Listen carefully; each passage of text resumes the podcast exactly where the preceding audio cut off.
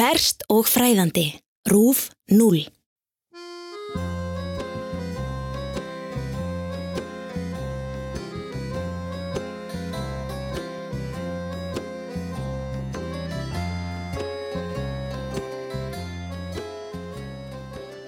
Árið 1858 gaf útgáfu félagið Arns í Dusseldorf í Þískalandi út bókina Das Illustrierte Mississippi-tal, Mississippi-dalurinn myndskreittur. Það er veglegt 400 síðan að sapna um 70 litmyndum, teikningum og textalýsingum af Mississippi-flóðinu mikla og nákrenni þess, eftir bandarískan listamann að nafni Henry Lewis. Á þessum tíma fluttust margir þjóðverjar búferlum til bandaríkjana, áhugi á bandaríkunum var mikill í Þýskalandi og bók eins og þessi var vís til að falla í kramið. 145 árum síðar, 23. oktober 2003, berst konunglega bókasafninu í Stokkólmi fyrirspurt með tölvuposti. Fræðimaður nokkur í annari borg vill fá eintak sapsins af Das Illustrierte Mississippi tal eftir Henry Lewis, lánað og sendt. Bókin er í dag mjög sjálfgæf, einungis varðveitt á örfáum bókasöfnum í Bandaríkunum og Evrópu. Þetta er eina eintakið á Norðurlöndunum. Bókavörðurinn á konunglega bókasafninu sem fyrstur les tölvupóstinn tekur að sér að finna bókina til að senda hana síðan áfram.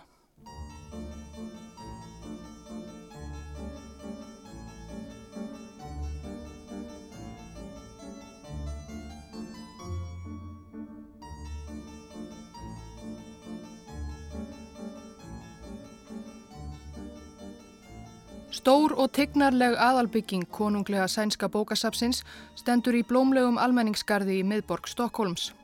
Það er skilda sapsins að geima intak af hverju rítverki sem gefið er út í Svíþjóð og þeirri skildu hefur sapnið sint frá árinu 1661. Á samt umfangsmiklu sapni af erlendum bókmyndum gerir það um 18 miljón verk sem sapnið geimir. Þó aðal bygging sapsins sé stór, kemst allur þessi fjöldi rítverka ekki fyrir þar. Bækurnar eru í stað þess geimdar undir sjálfri byggingunni, 40 metra niðri í jörðinni, í fimm hæða ramgerðu geimslurými sem á að geta staðið af sér kjarnorkustyrjöld. Þangað niður fer bókavörðurinn með liftu þann 23. oktober árið 2003 til að ná í eintak sapsins af Das Illustrierte Mississippi-tal eftir Henry Lewis. Þarna djúfti niðri í jörðinni eru gamlar og verðmætar bækur sapsins geimdar í pappaumslugum og kossum í hillunum. Bókavörðurinn okkar finnur fljótt umslæðið sem á að geima bókina um Mississippi fljótið mikla en grýpur í tómt. Það er engin bók í umslæðinu, það er gal tómt. Hann fer og gáir í spjaldskrár sapsins en þar er hverki að finna neinar upplýsingar um bókina. Það er hálpartinn eins og sapnið hafi aldrei átt þessa bók en þó er hún skráði í tölvukerfi sapsins. Þannig vissi jú fræði maðurinn sem sendi tölvupóstinn að hún var til og þarna er líka tómt umslægið í hillunni. Bókaverðinum stendur ekki á sama þegar hann fer með liftunni aftur upp á yfirborðið og finnur samstagsmenn sína. Þau grunar öll strax hvað hefur gerst, þó það sé erfitt að segja það upphátt. Bókinni hefur að öllum líkindum verið stólið. Fræðimaðurinn fær aldrei eintakið af das illustrerte Mississippi-tal. Líklega skrifar bókavörðurinn honum tilbaka að því miður finnist bókin ekki. Kanski var hún vittlust skráð eða endaði einhvern veginn í rángri hillu. Fræðimaðurinn neyðist við til að leita annað og hefur ekki hugmyndum að þessi fyrirspurn hans setur í gang ótrúlega atbyrðarás á konunglega bókasafninu í Stokkólmi, atbyrðarás sem þegar er hafinn og á eftir að enda með döðsfalli.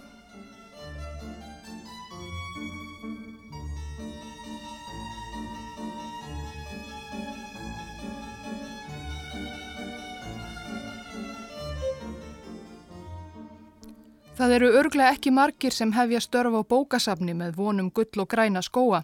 Starsmenn konunglega bókasafsins í Stokkólmi starfa þar líklega flestir af þeirri einföldu ástæðu að þeir unna bókum meira en flestu öðru og ekki margt sem þeim finnst verri töluksun en svo að einhver hafi látið greipar sópa um ómetanlegar eigur safsins. Starsmönunum er strax ljóst að sá sem numið hafði das illustrerte Mississippi-tal á brott hafði góða þekkingu á innviðum sapsins. Hann hafði jú fjarlægt öll ummerki um bókina í spjaldskráni og það fær ekki hver sem er að ferðast með liftunni niður í jörðina í rambyggt geimslurými sapsins. Þetta má ekki fara hátt. Fáir fá að vita af þessum grunnsemdum fyrstum sinn, þrýr starfsmenn sapsins mynda saman einskonar rannsóknarhóp til að grenslast fyrir um hvort fleiri bókum hafi verið stólið og leita vísbendinga og finna þjófin. Utan þessa hóps fá aðeins örfáir yfirmenn að vita um málið því auðvitað liggja allir undir grun. Bókaþjófur gengur laus á sapninu og það kann vel að vera að það sé innanbúðar maður, einn af starfsfólkinu.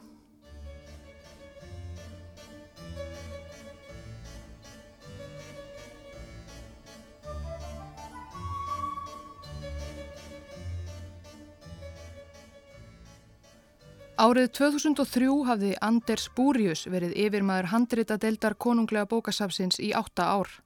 Það hafði vakið nokkra aðtikli meðal starfsmannasapsins þegar hann var ráðinn árið 1995 því Búrius hafði þá aldrei unnið á sapninu. Hann var þó óneitanlega hæfur til starfsins. Anders þessi Búrius ólst upp í Eskiltúna vestur af Stokkólmi, sonur einstæðrar móður. Hann var bóknegður frá unga aldri. Hann lauk doktorsprófi í hugmyndasögu við háskólan í Uppsölum með glæsi brag og let það ekki næja, heldur tók lögfræði sem auka fag og náði sér í lögmannsréttindi. Lögfræðin hefði örglega getað tryggt honum sæmilega afkomu en hugur hans lág annar staðar. Með námi hafði hann unnið í nokkrar vikur á Karolína Retivíva, bókasafni Uppsala háskóla. Það er það elsta í Svíþjóð og geymir ótal ómetanlegar bækur eins og Codex Argentus, Silfurbókina, handrit frá sjöttu öld með biblíu þýðingu Vúlfila biskups á Gotnesku. Nokkrar vikur í Karolína Retivíva nægðu til þess að Anders Búrius heitlaðist af öllum þessum gömlu ríkföllnu skruttum, sögunum í kringum þær og hefðunum sem fyldu varðveislu þeirra. Hann mentaði sig enn frekar og lærði bókasafsfræði að auki. En í raun vill hann ekki bara verða bókasafsfræðingur, heldur dreymir hann um að tilhera sænsku fræða og menta elitunni ef svo má að orði komast. Í þeim tilgangi skiptir hann skömmu eftir háskólan um nafn. Því fyrstu ár æfisinnar hétt Anders Búrius bara Anders Jónsson eins og hver hannar almú að svíi en Búrius hljómar latnest eins og hann væri kannski af gamal gróinni aðals eða prestaætt og það finnst honum að hljóti að auðvelda honum að sjá fram að drauma sína uppfylta. Við nafnavalið hefur hann líklega sótt einhvern innblástur til fræðimannsins Jóhannesar Búreusar sem var uppi á 17. öld og fyrsti landsbókavörður Svíja.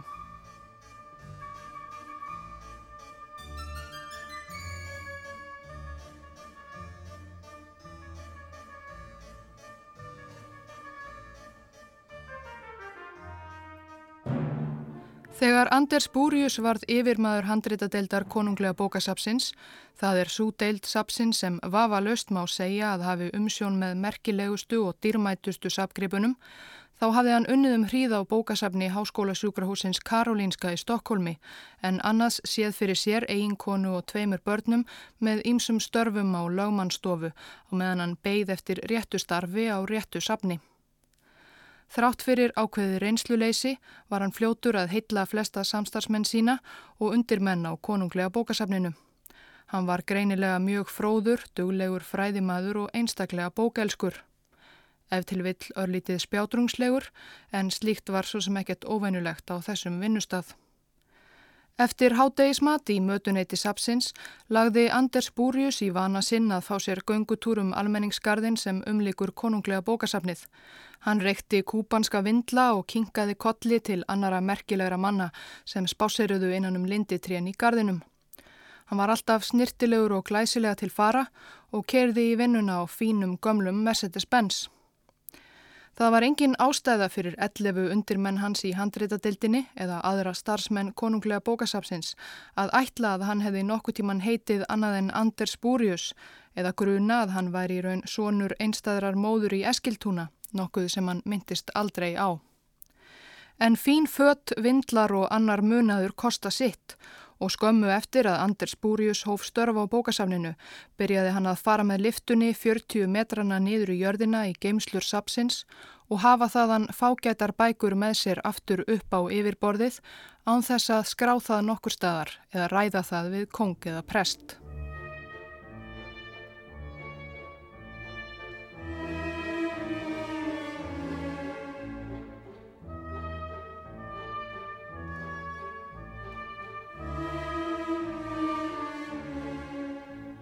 Svo lengi sem bækur hafi verið til hafa menn sapnað þeim, ágirnstær og já, stólið þeim. Lengi tíðkæðist að rita varnaðar orð eða eins konar bölvanir í bækur og handrit til að reyna að koma í vekk fyrir þjófnað á þeim, telja verðandi bókaþjófum hugkvarf. Þannig var strax ritað á leirtöflunar í einu fyrsta bókasafni sögunar í assirísku borginni Níneve við bakka tígris árinar að sá sem tæki þessar töflur óferjálsri hendi myndi með því reita assírsku gvöðina Assjúr og Belit til mikillar reyði.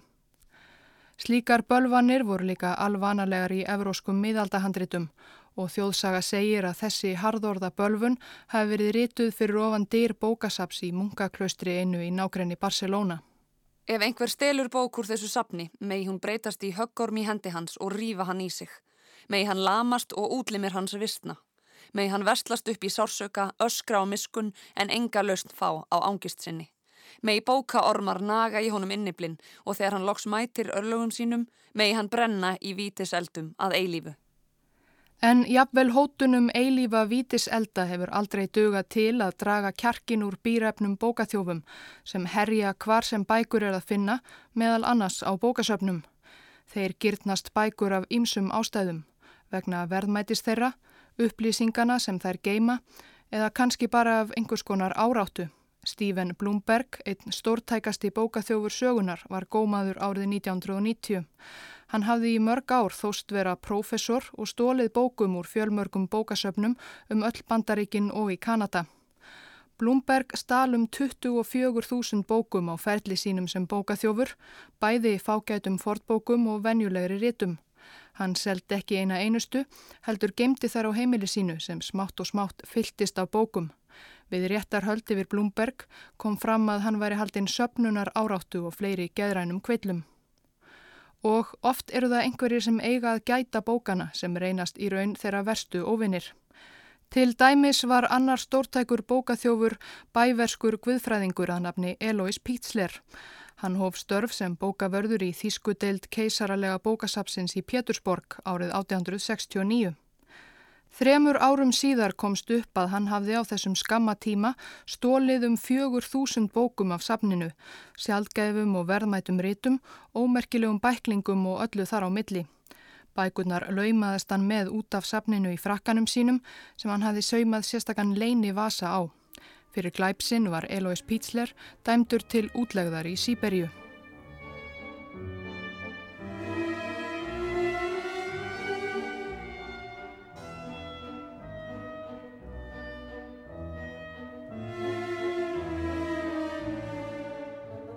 Á setni hluta tíunda áratögarinn stigu fortbækur töluvert í verði meðal sapnara.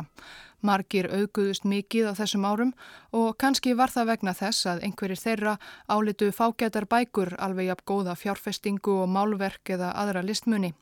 Allavega voru sífelt fleiri fortbækur boðnar upp í uppbóðshúsum í bandaríkunum og vestur Evrópu fyrir sífelt herri fjárhæðir.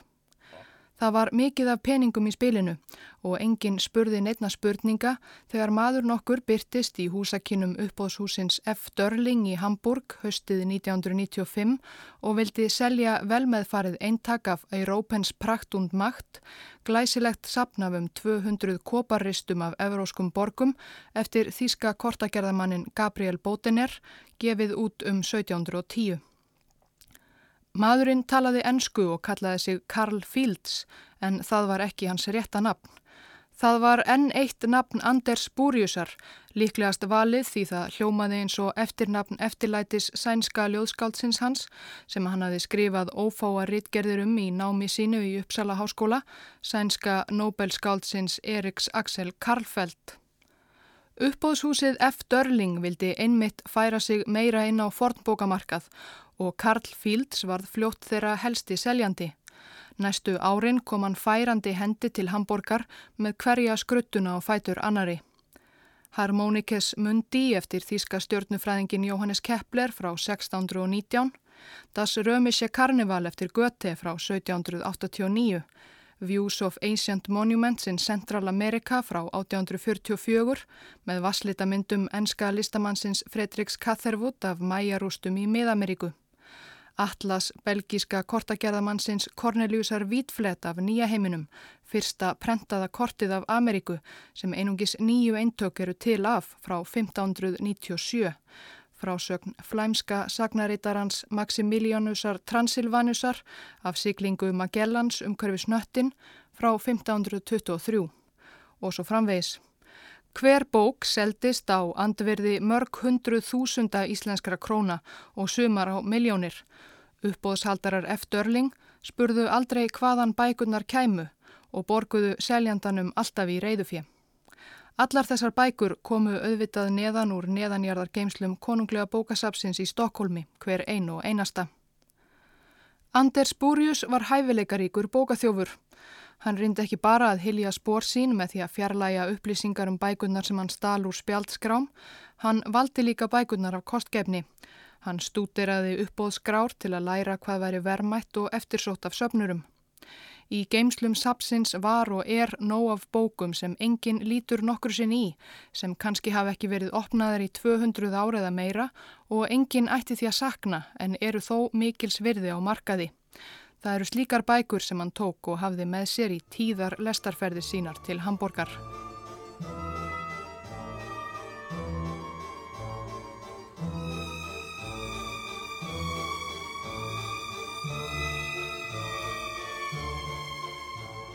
Veturinn 2003 til 2004 fer hinn leinilegi rannsóknarhópur bókavarða gömgæfilega í gegnum geimslur sapsins í leitað vísbendingum.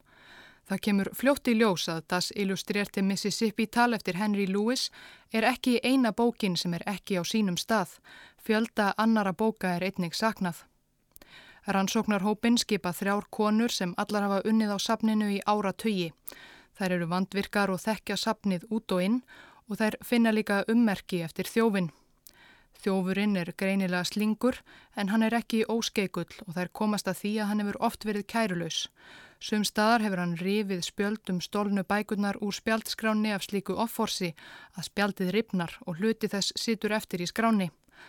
Annar staðar hefur hann strókað út titla á stólnum bókum úr skrám með strókleðri en ekki strókað alveg nógu fast svo að enn sést móta fyrir því hvað þarna hefur staðið.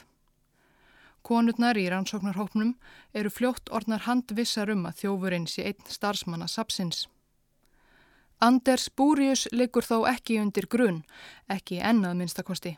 Myndið sjálfur yfirmaður handréttadeildarinnar láta greipar sópa um eigið sapn, auðvitað ekki. Anders Búrius ætlaði sér að skapa sér sessi í sænskri mentaelitu og það var hann fljótur að gera eftir hann hóf störfa á konunglega bókasafninu. Hann vingast við félaga í Sænsku Akademíunni, gengur í leini félag mentaðra herramanna sem hittast reglulega eftir vinnu og drekka fínt viski og reykja vindla. Hann nýtur kvarvetna vinselda. Hann tekur líka að sér ímis veigamikil aukaverkefni. Hann rittstýrir meðal annars veglegu afmælisriti um sögu Nobels bókasaps Sænsku Akademíunar og notar þá auðvitað tækifærið og stelur nokkrum bókum þaðan líka og hefur með sér til Hamburgar. Og þegar upp kemst að allræmdur kortaþjófur, brettin Peter Bellwood, sem á árunum 2000 til 2004 rændi verðmætum landakortum af bókasöfnum um alla Evrópu, þegar upp kemst að hann hefði líka látið greipar sópa á konunglega bókasafninu í Stokkólmi, þá er ákveðið að taka öryggismál á safninu í gegn og Anders Búrius er fenginn til að leiða þá vinnu. En hann veit sjálfur mæta vel að það er verið að leita hans og eftir að hafa stólið bókum samvisku löst í bráðum áratug er hann orðin nokkuð taugaveiklaður. Hann heldur þó ótröður áfram að stela en það reyðir hann sig á ágóðan frá bókaþjófnaðinum til að fjármagna lífstílsinn og það jafnvel þó hann sé einu sinni næstum gripin glóðvolkur. Þá er hann eitt kvöldið niðri í neðanjarða geimslum sapsins einu sinni sem oftar. Hann er búin að ákveða að stela gamalli fræðibókum greftrunar hefðir hindúa. Hann tekur með sér möppu til að fela þýfið í en bókin er of stór. En hann getur ekki hætt við núna svo hann rýfur bókina í tvent og treður helmingnum ofan í möppuna. Hinn helmingurinn verður eftir í hillunni. Hálf bók er betri en engin, hann hlýtur þó að fá eitthvað fyrir þetta, hugsa hann og haska sér í burtu. En á leiðinni aftur í liftuna rekst hann bókstaflega á samstarskonu sína. Sú er hissa að sjá hann þarna sent um kvöld. Anders, hvað er þú að gera hér? Þetta er ekki handritadeildin og hvað ertu með í möppunni? Anders Búrius stamar eitthvað að þetta sé bók sem hann þurfi að taka með sér á ráðstefnuna í Pétursborg í næstu viku og flýti sér inn í liftuna. Samstarfskonuna grunar ekkert. Anders Búrius gæti ekki verið þjófurinn.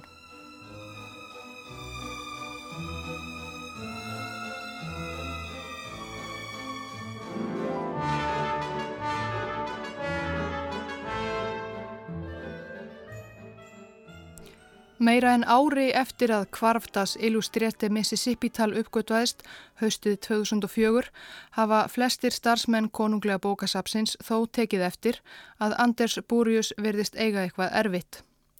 Hann er farin frá konunni sinni og börnum og býr nú einni íbúði í miðborg Stokkólms ekki langt frá bókasafninu.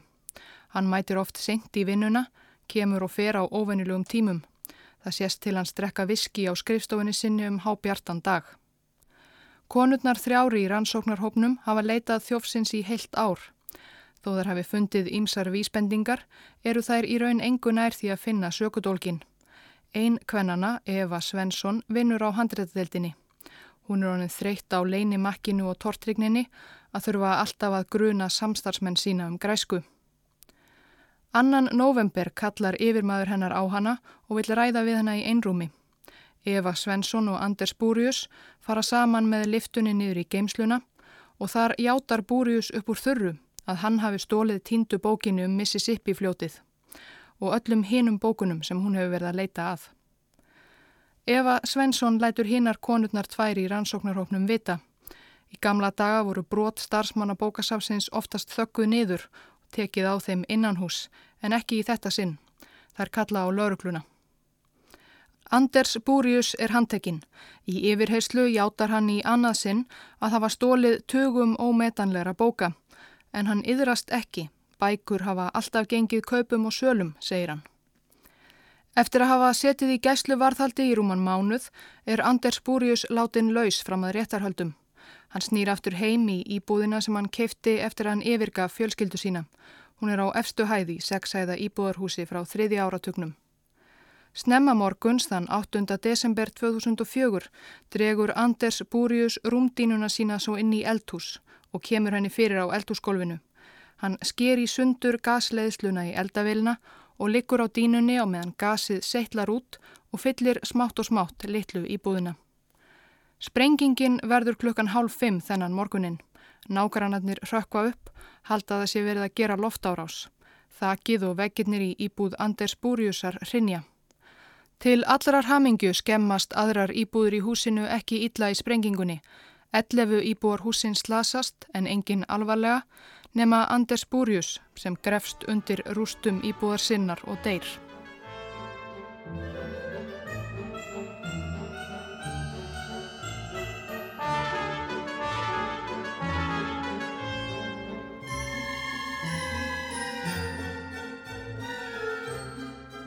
Talið er að Anders Búrius hafi stólið að minnstakosti 108 fágætum bókum, flestum frá konunglega bókasafninu, en líklega einninga fleiri söfnum, Nobels bókasafninu, Háskóla bókasafnum í Stokkólmi og Uppsölum, bókasafninu í Karolinska og eftirvill enn fleirum. Hann seldi bækur fyrir að minnstakosti 9 miljónir sænskara króna og eitti þeim næstum öllum í jafn óðum. Konunglega bókasafnið hefur einungis fengið tilbaka örfáar af þeim bókum sem hann hafði á brott með sér. Árið 2012 helt safnið sérstaklega upp á það að Ameríku Atlas Corneliusar Vítflett frá 1597 snýri aftur heim, fyrsta bókin úr Ránsfeng bókaþjófsinn sem það gerði. Safnari hafði keift Atlasinn á uppbóði fyrir um 11 miljónir íslenskra króna og hafði auðvitað ekki hugmynd um að verkið hefði verið tekið ófrálsri hendi. Þegar sá auglisti verkið aftur til sölu tóku starfsmenn konunglega bókasafsins eftir auglisingunni og safnarinn skilaði bókinni. Síðan þá hafa svo aðeins tvær bækur til viðbótar skilað sér. Sumarið 2013 var tilkynnta með samvinnu Sapsins og saksóknara í New York hefði tekist að hafa upp á tveimur bókum sem bandarísku sapnari kefti á uppbóði F. Dörling í Hamburg árið 1998. Sapnarinn gaf sapninu bækurnar aftur þegar hann frétti að þær veru stólnar. Það var kort og lýsing af Louisiana í bandaríkunum frá ofanverðir í 17. öld og svo bókinum Mississippi fljótið mikla sem fyrst var til þess að uppkomst um bókaþjófin. Nú er aftur hægt að nálgast hana á konunglega bókasafninu í Stokkólmi.